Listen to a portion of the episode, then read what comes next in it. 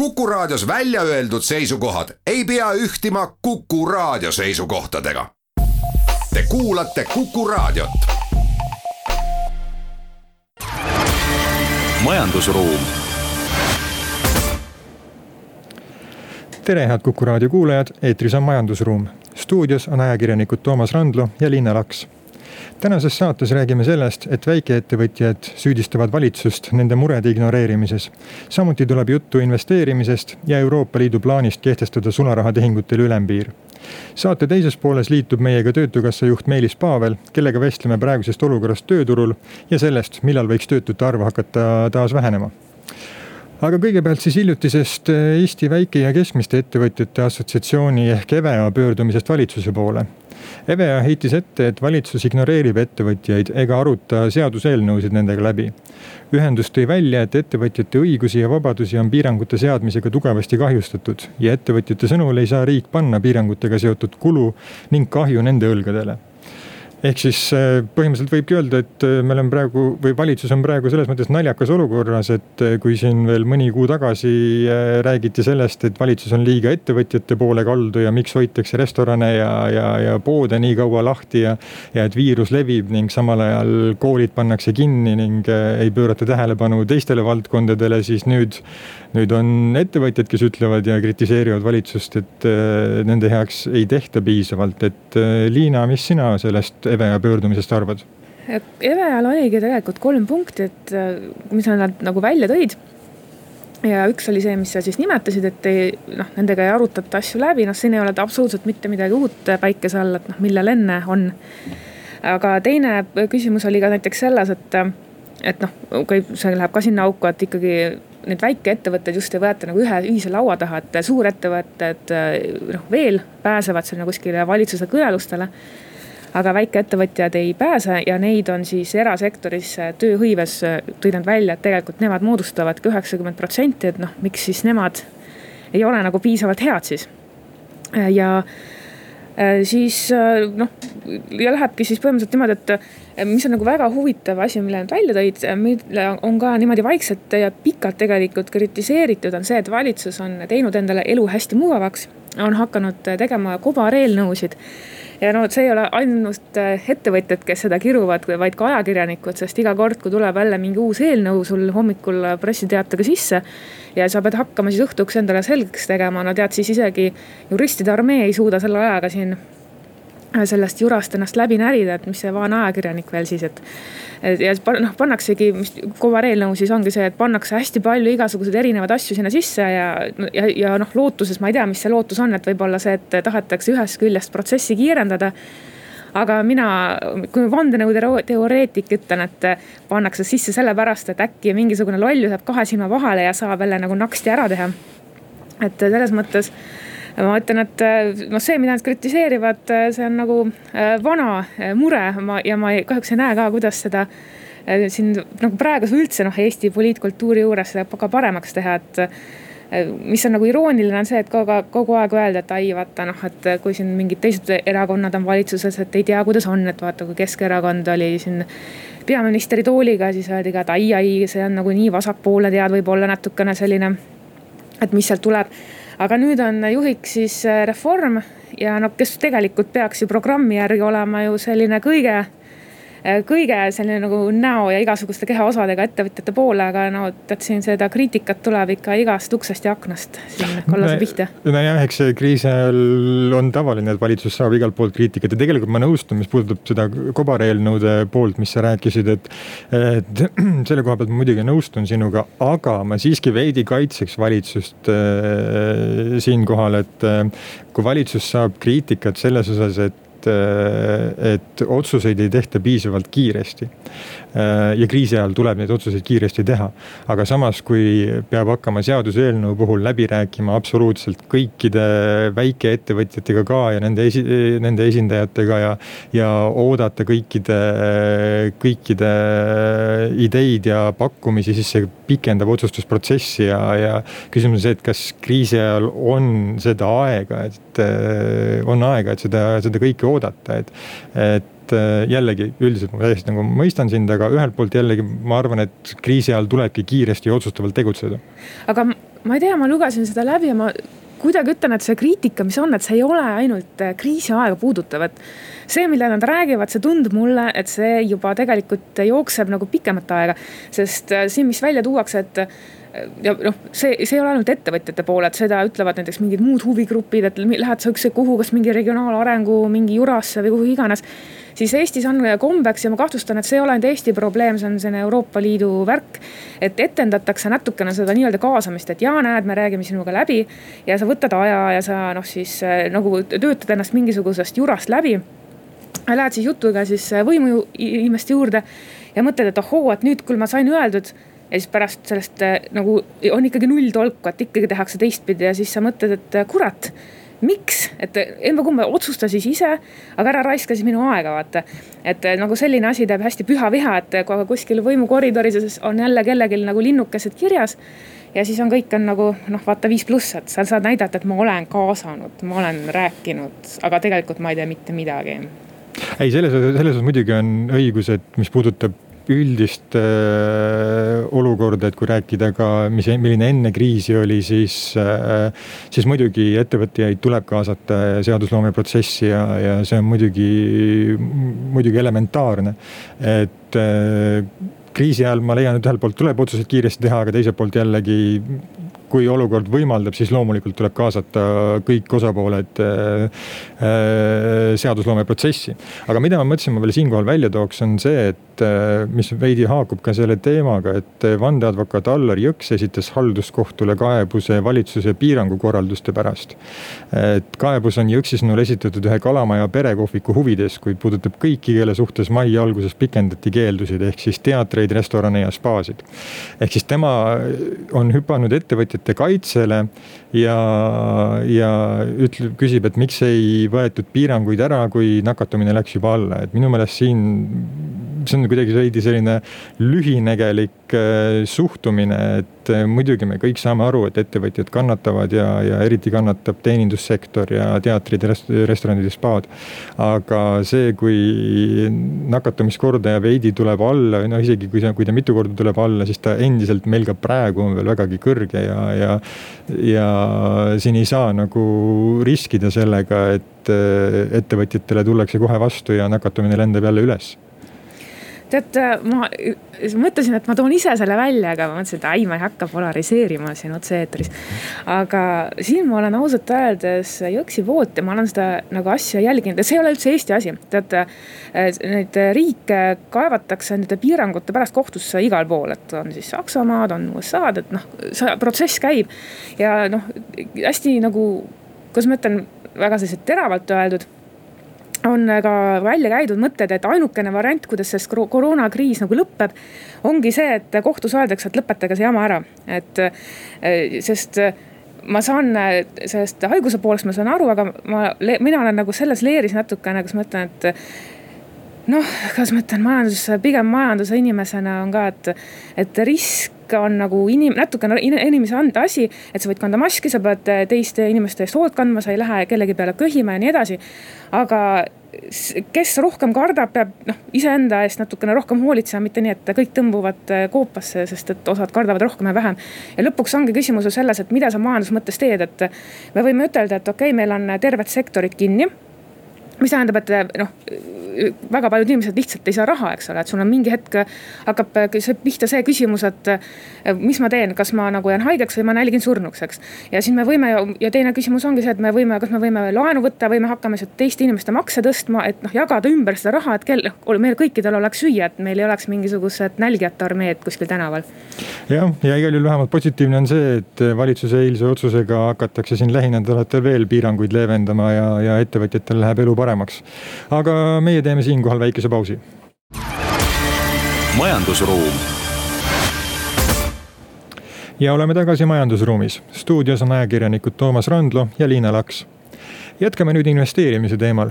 eile ilmus SEB panga uuring, mille kohaselt on Eestis viiekümne üheksal protsendil elanikest investeeringuid ja selle näitajaga oleme Balti riikide seas esikohal.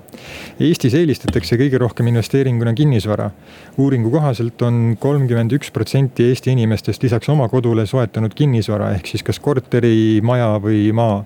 ja sellele järgnevad kolmanda pensionisamba investeeringud, aktsiad ning investeerimisfondide osakud Liina, sina oled Postimehe, sina vead Postimehe investeerimisportaali, mis siin äh, hiljuti tegevust alustas, et äh, kui sa nüüd vaatad seda uuringut, siis kas sinu jaoks on üllatav, et eestlased eelistavad investeeringuna just kinnisvara? see mind üllataks, kui see ei oleks nii, sest see on olnud läbi aastakümnete tegelikult eestlastele vaata et kõige kättesaadavam, mõistvam investeering, et kuigi hästi tihti on ju ka niimoodi, et eestlased on äh, ka oma kodu noh, peavad investeeringuks, et see ei pruugi seda mitte olla, et iga majaomanik võib sulle ütelda, et kui sa ikkagi pead seda katust tihtipeale vahetama või jälle kuskil vundament laseb läbi, et siis äh, noh, need kulud ikkagi on päris suured, aga ütleme, see uuringus oli ka niimoodi, et seal küsiti aga niimoodi, et kas sul on kinnisvara peale oma kodu, et ja siis selgus, et jah, et enamikul ikkagi mingi kas mingi maatükk ja metsatükk või midagi või mingi vanemate korteri kuskil ikka nagu eh, tiksub, et. ja see kinnisvara mõttes ongi selles, selles mõttes huvitav, et eh, Eestis on need hinnad väga palju tõusnud. aga üldiselt ajalooliselt vaadates kinnisvara pigem aitab seda väärtust, raha väärtust säilitada, sest eh, kõik ütlevad küll, et noh, mul kogu aeg tekib skisofreeniline tunne, kui ma loen majandusuudiseid, sest kogu aeg keskpangad tulevad ja ütlevad, et me ei suuda oma inflatsiooni target eid Äh, täita. see inflatsioon ei ole kaks protsenti, et kõik tahaksid, äh, nagu me teame, et meil on selline null või isegi miinusintresside ajastu. alates viimasest finantskriisist. ja noh, keskpangad ütlevad, et me tahaksime tõsta neid intresse, et noh pankades raha hoiustamine ka nagu tavainimesele nagu muutuks jälle mõttekaks, eks ja ainu-, ei ole, ei saa seda kahte protsenti kätte. aga kui sa samas vaatad, kui palju on tõusnud äh, aktsiate, kinnisvara, mingite muude varade hinnad, siis tegelikult on inflatsioon kohal. lihtsalt, äh, mida arvestatakse selles nii-öelda inflatsiooni näidus on, et palju maksab kartul, noh okei okay,, et. et see on nagu natukene äh, noh küll aga kinnisvara puhul, mis minul tekitab küsimusi, on see, et eh, kui praegu siin on, räägitakse suurest nõudlusest, eh, mis kinnisvaraturul on ja, ja et inimestel on koroonakriisi ajal raha üle jäänud ja, ja nüüd see investeeritakse kinnisvarasse. noh, mille puhul võib oletada, et see inimene kavatseb, kui ta ostab korteri investeeringuna, ta kavatseb selle välja üürida aga kui see nõudlus korterite järele on nii suur, siis see tähendab ju seda, et kui praegu hulk inimesi ostab endale korterid kokku, et neid välja üürida, siis aasta pärast on meil võib-olla üleküllus üüriturul ja, ja üürihinnad tulevad jälle alla. Kas mitte ei tulnud isegi natuke, no tähendab tegelikult koroonakriisi alguses tulidki alla, sest et meil oli ju olukord, kus kõik need Airbnb teed Tallinnas ja mujal noh nägid, et ups, et noh, ei ole turisti, eks, et nad olid sunnitud välja üürima. ja see tegelikult tõigi korterite üürihinnad alla, et sul oligi võimalik kaubelda. seal investorid, ma mäletan, et oli mingisugune lugu lehes et pealkiri umbes selline, et et äh, üürnikud äh, küsivad üürihinnas ilma põhjuseta alla et mis põhjusega oli siis see, et a la, et sa kaotad töö. ja siis ma mõtlesin, et tule jumal ise appi, et äh, samas äh, nagu no, omanik ju ka tõstab hinda regulaarselt ilma põhjuseta, no. see ongi nagu turg, et nagu noh, kui see teine, sul ongi, et no kogu aeg räägitakse omanike poolt, et näed, turg ka töötab nii, et nõudlus ja pakkumine, üks küsib, teine vastab. Ja siis, kui nagu teine tuli küsima, et siis oli kohe nagu noh, ma ei tea, häda on nagu käes, et. aga äh, see on nagu hea, et ma ka mõtlen, et praegu nagu Tallinnas tohutult ehitatakse, et ei lähe praktiliselt päevaga, kui, kui ei öelda, et näed, siin on jälle mingi uus arendus toimub siin ja seal ja tegelikult need korterid krabatakse ära, et inimestel on mingisugust raha siin tekkinud, mis on väga hea. et mul on alati hea meel, kui eestlane saab rikkamaks. aga et kuhu need äh, nagu, mida nagu tehakse nende korteritega mingi hetk, et mul on sama küsimus, et kas, äh, et kus on nagu need äh, nagu üürilised siis saavad. et võib-olla on tõesti see, et turism taastub hooga, siis muidugi Airbnb-d jälle hakkavad tööle, siis see olukord jälle natuke muutub. sest ma ise arvan küll, et kui nüüd need piirid lahti lähevad jälle, siis toimub tõenäoliselt suur reisibuum, sest kõik taha, kõigil on nagu kodus istumisest täiesti kõrini ei, see on väga võimalik jah, et Airbnb tekivad variandina, kui e-, peaks tulema tõesti üürikorterid nii palju, et kohalikud elanikud ei suuda neid kõiki ära täita. aga hüppame siin kiirelt veel enne pausi teisele rahaga seotud teemale ka, et e, Euroopa Komisjon kaalub, kas keelata kõik sularahatehingud, mis ületavad kümne tuhande euro piiri et Euroopa Komisjoni kavandatav muudatus on osa paketist, millega püütakse rahapesule pidurit tõmmata. täpsemate mõtetega plaanib komisjon välja tulla juunis seda uudist lugedes minul tekkis küsimus, et kas me teemegi nüüd esimese sammu sularahata ühiskonna poole, et kui praegu räägi, peaks, kui peaks nii minema, muidugi Euroopa Liidu riigid peavad sellega nõustuma. et äh, ülempiir on kümne tuhande juures, siis kas viie aasta pärast tekib piir viie tuhande juures, kümne aasta pärast tuhande juures ja kahekümne aasta pärast me ei kasutagi sularaha enam no sa tegelikult noh, see, need mõtted on tegelikult juba varem äh, nagu öeldud, et Eestis on natukene see olukord võib-olla teistsugune, et meil ongi noh, sisuliselt sularahata ühiskond, kui sa mõtled, et millal sa ise viimati sularaha kasutasid. et okei okay,, et noh mina maainimesena olen ikka noh, siin-seal vaata kartulit vaja osta või mis iganes, tuleb mingi torumees, võib-olla sellised asjad. aga reeglina kõik tehingud meil käivadki no kas mingi mobiil või mingi kaart või noh ma tean inimesi, kes ütlevad, et nad ei ole sularaha käes hoidnud aastaid. Ja, aga samas, kui sa vaatad Vana-Euroopa poole, no eks sa proovi reisida näiteks Saksamaal või Hispaanias see ilma sularahata. nagu võimatu, et seal on see sularaha neil nii armas, et ma ei tea, sealt tõenäoliselt ja hästi paljud, kusjuures sai ka Saksamaal diskussiooni see pakkuma välja käidud idee, et siin Euroopa Komisjoni siis üks liige ütles, et nüüd me tuleme selle paketiga välja ja no eks need kõige rohkem karjuvad, kellel kõige rohkem sularaha kasutusel on, et mis mõttes.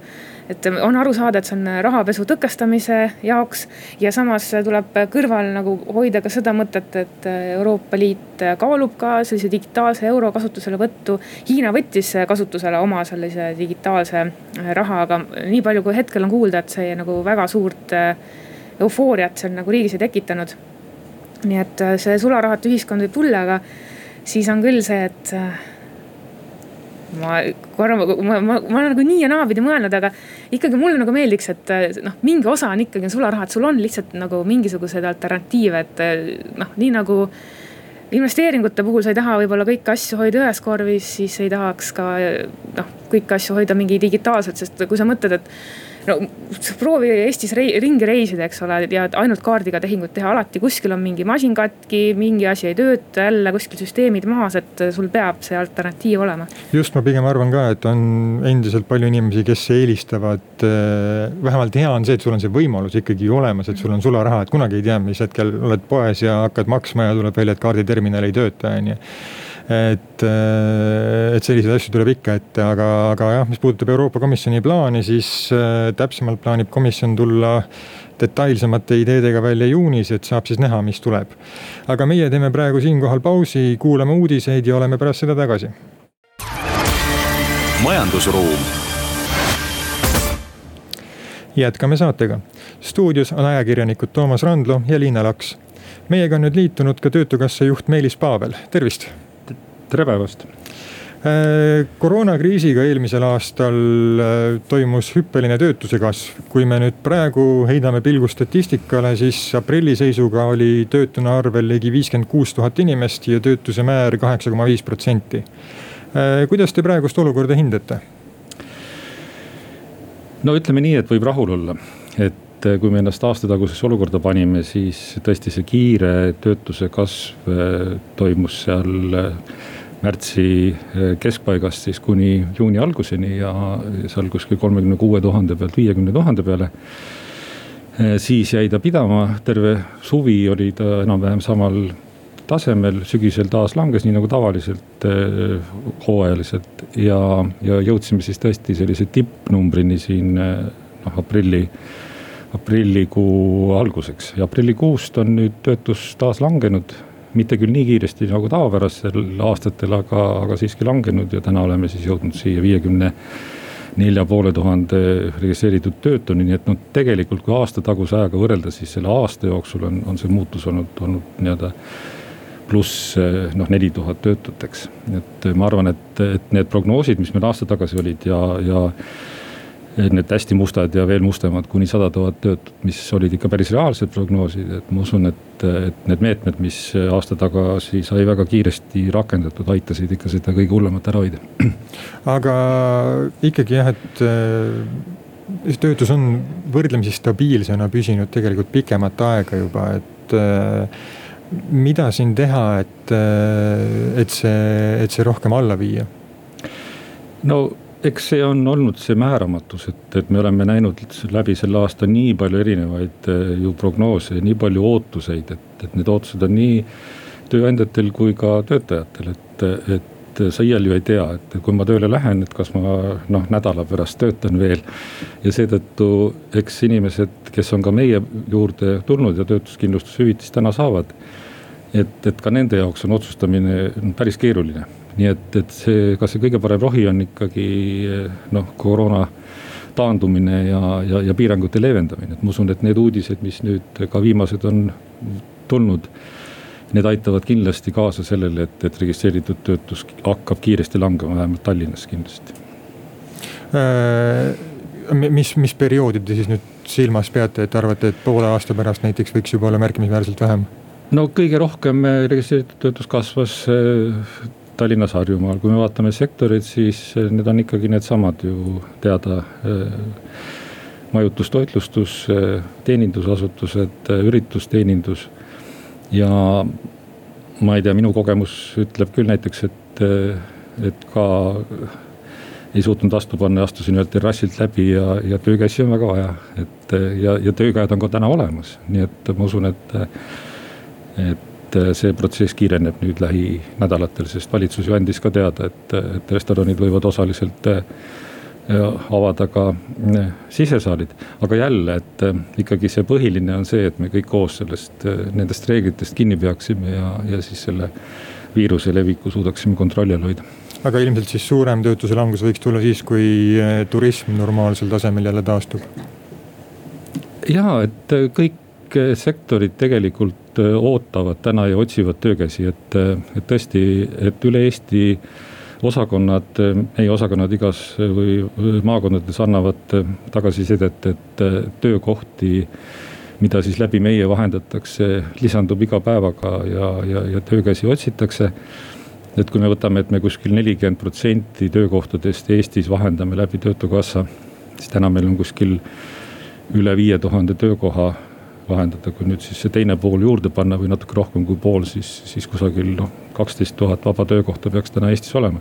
ja kui me nüüd selle siis töötute arvust maha arvestame, siis me jõuame, võiksime jõuda õige kiiresti ju sellele tasemele, mis Eesti jaoks tegelikult on ju normaalne, sest see tase, kust me tulema hakkasime aasta tagasi, see oli ju selgelt väga madal ja, ja töökäsi oli, oli nagu väga keeruline eh, leida ükskõik mis valdkonda äh, kui nüüd viimasele aastale tagasi vaatate, et kindlasti kõige pingelisem aeg töötukassa jaoks oli eelmise aasta kevad, et äh,. aga kui te nüüd vaatate seda pikemat ja laiemat äh, perioodi, et kuidas teie hinnangul töötukassa hakkama sai, et äh, kas praegu tagasi vaadates oleks võinud midagi ka paremini teha? no eks see tagasivaade on pigem eh, selline, et andis kinnitust, et, et, et riskideks. et riskid tulevad alati üllatusena, aga, aga riskideks peab siiski valmistuma ja kuna meil oli ka aastatetagune eh, majanduslangus kogemusena olemas eh, kahe tuhande kaheksandast, üheksandast aastast. siis ma usun, et, et, et meil olid siiski noh, asjad ka sellises eh, vaates läbimõeldud ja, ja, ja noh, nagu elu näitas, et, et inimesed, eh, töötajad kohanesid väga, väga kiiresti, said hakkama. Eh, ma olen väga uhke, et me, me saime siis need eri kriisimeetmed rakendatud väga kiire ajaga, see oligi minu arvates sellel hetkel kõige olulisem, et just kiiresti reageerida et mitte jääda venima, sest tõesti aastatagune paanika oli, oli ikka päris paanika, et, et minu telefon ei ole. no ütleme nii murelikke kõnesid täis kunagi varem olnud ja, ja teine pool, mul on hea meel, et, et kui ka meie töötajad pidid hakkama siis äh, interneti teel kõiki võimalikke ja vajalikke teenuseid osutama, et siis ka sellega saadi hakkama ja meie põhitöö ei, ei kannatanud. nii et ma väga ise küll tänan oma inimesi selle eest siin isegi keset koroonakriisi, et kui ettevõtjatega see rääkida, siis mainiti, et kuigi töötute armee oli juba teil arvel et töötuid on palju, aga ikkagi on nagu tööjõukriis, et neid inimesi, keda nagu nemad tahaksid, lihtsalt nagu ei ole. et kuidas te praegu seda olukorda vaatate, et kas tõesti noh, ongi meil nagu need inimesed, kas nii-öelda on ripakil, on neil nagu lootust praegu tööle saada? See ongi nii ja naa. Ja ma arvan, et see jääb veel veel mõneks ajaks meil nii ja naa, et kui me vaatame nagu laias pildis, siis tegelikult aasta jooksul on tulnud meil registreerinud siis töötuna kusagil sada tuhat inimest. ja nendest eh, saja tuhandest inimesest kusagil kuuskümmend viis tuhat on samal ajal ka tööle läinud, nii et see, see, see töölt nii-öelda lahkumine ja tööle eh, minemine, et see on selline pidev protsess, et ei ole niimoodi, et on mingi, mingi stabiilne hulk töötuid, kes nii-öelda ongi kogu aeg töötud ja, ja, ja ongi töötud ja, ja, ja, ja nii on. et äh, ma arvan, et ka, ka, ka, ka täna on see see nii, aga samas eh, ma usun, et meil on erinevaid eh, võimalusi siis eh, aidata nii-öelda seda struktuurset tööpuudust ka, ka muuta ja, ja tegelikult peab siin alati vaatama noh, kuni inimeseni välja, sest me kõik oleme ju, ju erinevate vajaduste, erinevate oskustega ja nii edasi. ja erinevate põhjustega sellesse olukorda sattunud. ja see on see meie siis roll, et, et leida need põhjused üles ja, ja püüda kasutada siis neid võimalusi, mis meile on antud. nii siis hüvitiste, toetuste näol, et inimestel oleks töö otsimine äh, lihtsam. Kui ka siis neid puuduseid või neid, neid, mis siis inimest tööturul ei, ei, ei, ähm, ei luba naasta nii, nii hästi, olgu nad siis seotud tervisega või siis ka, ka oskustega. et neid eemaldada, meie roll on eelkõige muidugi tegeleda selle viimasega, et, et aidata siis äh, kasvatada äh, või arendada oskuseid, mida meil väga paljudel tegelikult inimestel napib kahjuks. no mis on need oskused, mis peamiselt napivad? no kui me võtame lihtsalt statistilise numbri, siis näiteks äh, me, meil on, meil on täna kuskil nelikümmend protsenti inimesi, kellel ei ole üldse mingit erialast haridust, näiteks. samal ajal kolm, kolmkümmend protsenti jälle on noh, nii-öelda sinikraed, kellel on, on kas siis kõrgharidus või, või vähemalt siis noh, kutse või siis eriharidus. ja, ja need on need valikukohad, inimestel täna läbi töötukassa süsteemi on, on võimalik omandada eh, noh, just selliseid oskuseid, mida me siis kokku oleme koos leppinud ja mida siis inimene eelkõige ise näeb, et eh, need oskused aitaksid teda tööturul edasi. ja me teeme nüüd siinkohal väikese pausi majandusruum. jätkame saatega, stuudios on ajakirjanikud Toomas Randlo ja Liina Laks. meil on külas äh, Töötukassa juht Meelis Paavel jätkame siis siin äh, tööturu teemal rääkimisega, et eelmisel nädalal ilmus Praxis analüüs, mille kohaselt on Eestis tuhandeid töötuid, kes on jäänud või jäävad varsti hüvitisest ilma, kuna nad on juba aasta aega olnud töötud. kui tõsise probleemina teie seda näete? see on muidugi probleem. aga kuidas seda probleemi lahendada, et äh, ma arvan, et, et selle probleemi nagu see päris hea lahendus on see, kui inimesed töö leiavad. Et, et, et ma usun, et, et ikkagi tööle asumine on see, mis selle probleemi nagu päriselt lahendab. nüüd peab sinna jälle nagu täpsemalt sisse vaatama ja, ja, ja noh, üks, üks, üks oluline aspekt on tänases olukorras ikka jälle see määramatus, millest me natukene nagu äh, rääkisime kui ma nüüd vaatan, et, et, et milline on, on siis töökohtade lisandumine, tööandjate huvi inimese palkamise vastu, millised on noh, täna need signaalid, siis, siis, siis kindlasti väga paljud inimesed noh, leiavad lähiajal rakendust. kindlasti on, on nende inimeste seas inimesi, kes on, on keerulisemas olukorras. ja nüüd on see valiku koht, et, et jah, selles Praxise uuringus oli viidatud kahele võimalusele, et, et kas siis eh, teha erisusi töötuskindlustussüsteemis või, või kasutada siis toimetulekutoetussüsteemi võimalusi, mis on omavalitsuste, omavalitsuste käes. ja, ja ma arvan, et, et täna on see aeg siiski käes, kus, kus paljuski need inimesed, kes on väga keerulises olukorras ja vajavad sellist noh, sotsiaalset tuge. ja, ja hakkamasaamise toetust, et, et, et kindlasti meil on omavalitsustel need võimalused olemas, et neid inimesi toetada. meie roll on, töötukassa roll ja meie inimeste roll on kindlasti väga aktiivselt eh, pakkuda olemasolevaid töökohti mis meil täna vabad on, suhelda tööandjatega ja, ja, ja leida üles siis need inimesed, kes on valmis nendele töökohtadele asuma. või siis asuma nendele töökohtadele läbides mingi vajaliku kursuse, mis annab siis mingi lisaoskuse, mis oleks noh, nii-öelda plussina.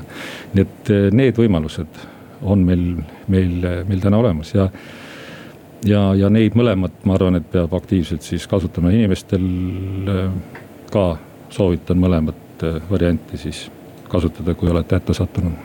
aga äh, mis puudutab neid inimesi, kes on juba aasta aega töötud olnud, et äh, kuidas teie poolt äh, vaadates on, et kes need on, mis, mis valdkondade peal nad on, kas, kas seal mängib rolli haridustase või mis see põhjus on, miks nad pole aastaga tööd leidnud?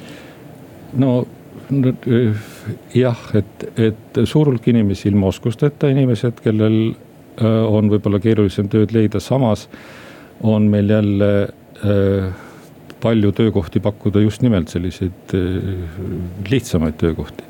kuskil kakskümmend protsenti tänastest tööpakkumistest, nii et seda on väga keeruline üldistada, et, et need põhjused on, on teinekord väga individuaalsed, et, et noh, näitena ma toon, et kas töökoha kaugus ei sobi, ütleme, mis on maakondade probleem rohkem, kas on vahetustega töö, mis on kindlasti see, mis, mis pärsib, et nii mõneski piirkonnas otsitakse väga palju inimesi kui, kui töö on vahetustega, siis inimene lihtsalt ei vali seda.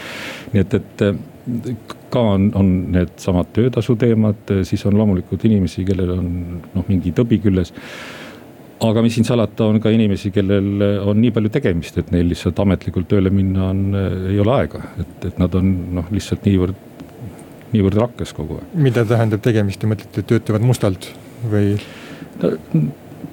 Nad on leidnud endale hakkamasaamise võimalused, mis, mis, millega nad on rahul vot siin ma tahtsin küsida, et me räägime küll, et vaata töötuid on palju, aga see on ju noh, Eestis teada, et väga paljud võtavad ju ennast arvele noh, selle mõttega, et mitte just nagu selle toetuse mõttes, aga see, et sa saaksid äh, selle haigekassa endale peale. et äh, kui, kuidas teil on nagu, kas te olete seda rahalist seisu inimestel vaadanud, et palju teil on nagu nii-öelda neid äh, töötuid seal, kes äh, noh, tegelikult istuvadki seal selle haigekassa pärast ja tegelikult noh, nad ei olegi huvitatud võib-olla siin, et saaks esimese hooga kohe kuskile madalapalgalisele tööle minna? ja ega me kedagi ei sunni minema esimesele vastuvõetavale töökohale ja, ja madalapalgalisemale, pigem see eesmärk ongi meil, et kui inimene on, on madalama kvalifikatsiooniga, et püüda siis välja selgitada, milline oleks tema vajadus ja ka valmisolek siis noh, midagi juurde õppida, et tema kvalifikatsioon kasvaks, aga nüüd. nüüd vastata sellele on, on väga keeruline, päriselt sellist nagu numbriliselt on, on, on keeruline öelda, aga eks siin on jälle kaks, kaks poolt asjal, et, et ühtepidi jah, on inimesi, kellele on väga oluline ravikindlustus, see on ju täiesti mõistlik ja, ja, ja tõepoolest, et kui ükskõik, kes siis ennast töötuna arvele võtab, on ta koheselt ka ravikindlustusega eh, kaetud. nüüd meie ülesanne on tegelikult ikkagi see, et meie näeme inimest, kes meie poole pöördub eh, inimesena, kes soovib tööd otsida. ja meie peame leidma siis koos üles selle motivatsiooni, et see eesmärk ka rakenduks viimase aasta jooksul on Töötukassa töötasu hüvitistena maksnud välja väga suuri summasid, et äh, ainuüksi siin aprillis juba maksite kakskümmend seitse miljonit. Äh, kuidas seis Töötukassa reservidega on, et kui palju teil praegu neid, praegu seda järgi on seal?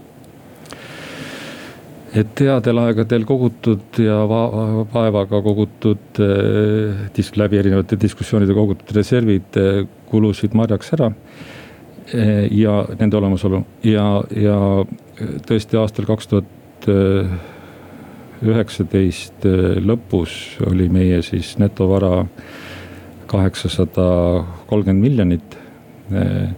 Ja selle aasta, kui nüüd läheb kõik plaanitult, me lõpetame siis netovaraga kuskil nelisada viisteist miljonit, nii et kahe aastaga me oleme siis sellest äh, nii-öelda kulutustest ülejäävast rahast äh, kasutanud ära, ära pea nelisada miljonit, sellepärast et ka selle aasta kulud ületavad meil, meil tulusid saja miljoni võrra ja me oleme arvestused nüüd niimoodi teinud, et, et sellest reservist või siis sellest netovarast peaks meil piisama kahe aasta hüvitiste maksmiseks. nii et kui, kui see kulu on kuskil kakssada miljonit aastas tavapärasel ajal, siis me peaksime niimoodi hakkama saama, nii et kui nüüd ei tule jälle midagi ootamatut või ütleme, see kriis ei, ei pikene.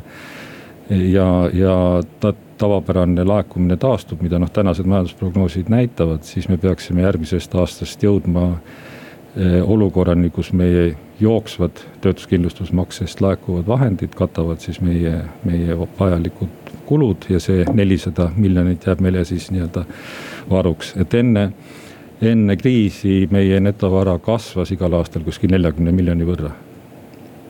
aga kui nüüd äh, peaks juhuslikult äh, mis iganes põhjusel sel aastal olukord pöörduma järsku halvemuse poole, siis kas töötukassa suudab endiselt, äh, kui töötus peaks kasvama, kas töötukassa suudab ikka endiselt inimesi toetada või, või peaks valitsus eraldama raha? No me oleme oma prognoosid ja ettepanekud teinud ja valitsus toetas ka, ka nüüd praegu väljamakstava töötasuhüvitise äh, tingimusi ja, ja, ja, ja see kindlasti aitab meie eelarvepilti hoidagi noh korras. ja, ja kui nüüd peaks äh, mingisugune eriline olukord veel juhtuma, siis ega need võimalused ongi sellised, et tuleb rääkida siis läbi, kas, kas valitsuse poolse võimaliku lisarahastusega või nii nagu seadus ette näeb, äh, äh, teha ettepanek siis maksemäära muutmiseks. aga täna sellist äh, vajadust ei ole mäletame eelmisest aastast, et mõned ettevõtted üritasid töötukassalt hüvitisi välja petta. kas nende hüvitistega on üritatud ka nüüd viimasel ajal, võtame viimase poole aasta jooksul või sel aastal, kas seda on skeemitada üritatud? Eks nagu ikka selliste toetusskeemide puhul püütakse teha siis oma taotlus nii-öelda tingimustele vastavaks. Ja ja ka seekord ja on, on proovitud, aga see ei ole massiline, aga, aga põhiliselt on siis, kuna meil on äh, tingimustes äh, kirjas, et, et inimene, et me maksame inimestele, kes on töötamise registris esimese jaanuari seisuga kantud, siis me oleme jah pidanud vastama päringutele et, või väidetele, et, et meie inimesed olid kantud, aga siis, kui me logidest järgi vaatame, siis tegelikult on neid kandeid tehtud tagantjärele. aga see ei ole, ei ole massiline ja, ja lihtsalt soovitan seda mitte kellelgi seda teed ette võtta, et lihtsalt raiskate oma aega, et, et me küll püüame väga kiiresti menetleda kõiki taotlusi. aga ma kinnitan, et me ka kontrollime väga põhjalikult lõpetuseks küsin veel, et siin mõned aastad tagasi räägiti Töötukassa nime muutmisest Töökassaks. Äh, kas on näha, et see muutus võiks lähiajal toimuda? ma ei näe seda kusagilt praegu, kui ma siin ringi vaatan, et see muudatus võiks toimuda. selge, aitäh teile äh, meil oli täna külas Töötukassa juht Meelis Paavel. stuudios olid ajakirjanikud Toomas Randlo ja Liina Laks. majandusruum on jälle eetris järgmisel nädalal majandusruum